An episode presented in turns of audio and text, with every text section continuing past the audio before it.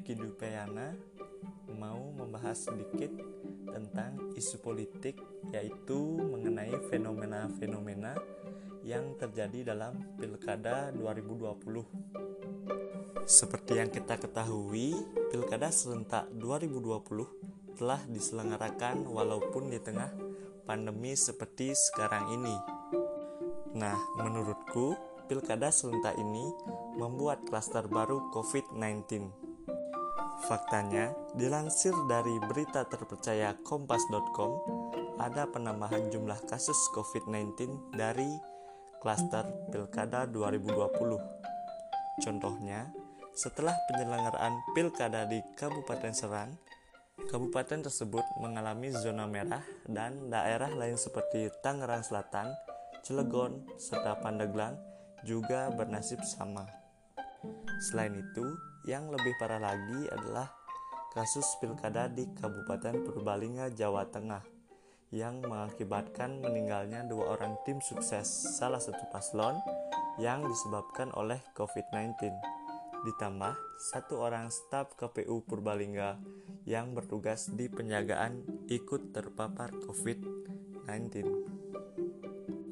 Dengan adanya klaster tersebut, Menurut pendapatku, pemerintah seharusnya menunda pilkada hingga kondisi pandemi mereda.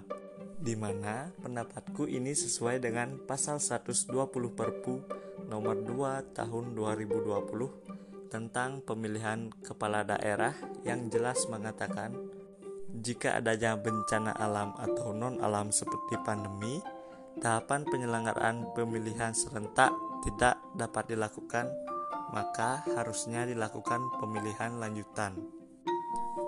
Nah, selanjutnya aku akan membahas satu fenomena politik yang tidak kalah menariknya, yakni terdapat dinasti politik di tengah pilkada serentak 2020 ini. Buat teman-teman yang belum tahu, dinasti politik itu adalah sebuah kekuasaan politik yang dijalankan oleh sekelompok orang yang masih terkait dalam hubungan keluarga. Pada Pilkada 2020 ini banyak sekali terdapat dinasti politik di dalamnya.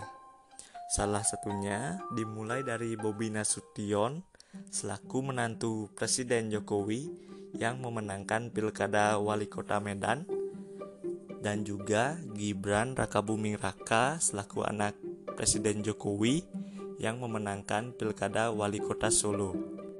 Menurut pendapatku, kemenangan mereka jelas diperoleh berdasarkan hubungan darahnya dengan Bapak Jokowi, di mana dalam dunia politik modern dikenal sebagai elit politik.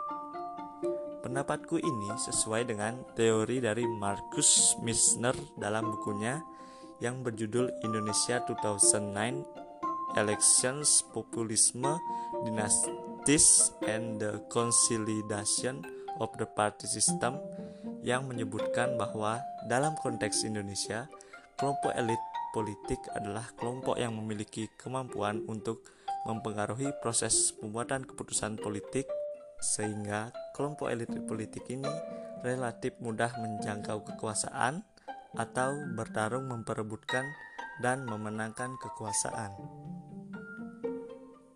Uh, mungkin segitu dulu yang aku dapat sampaikan di podcastku kali ini. Terima kasih buat teman-teman yang sudah mendengarkan.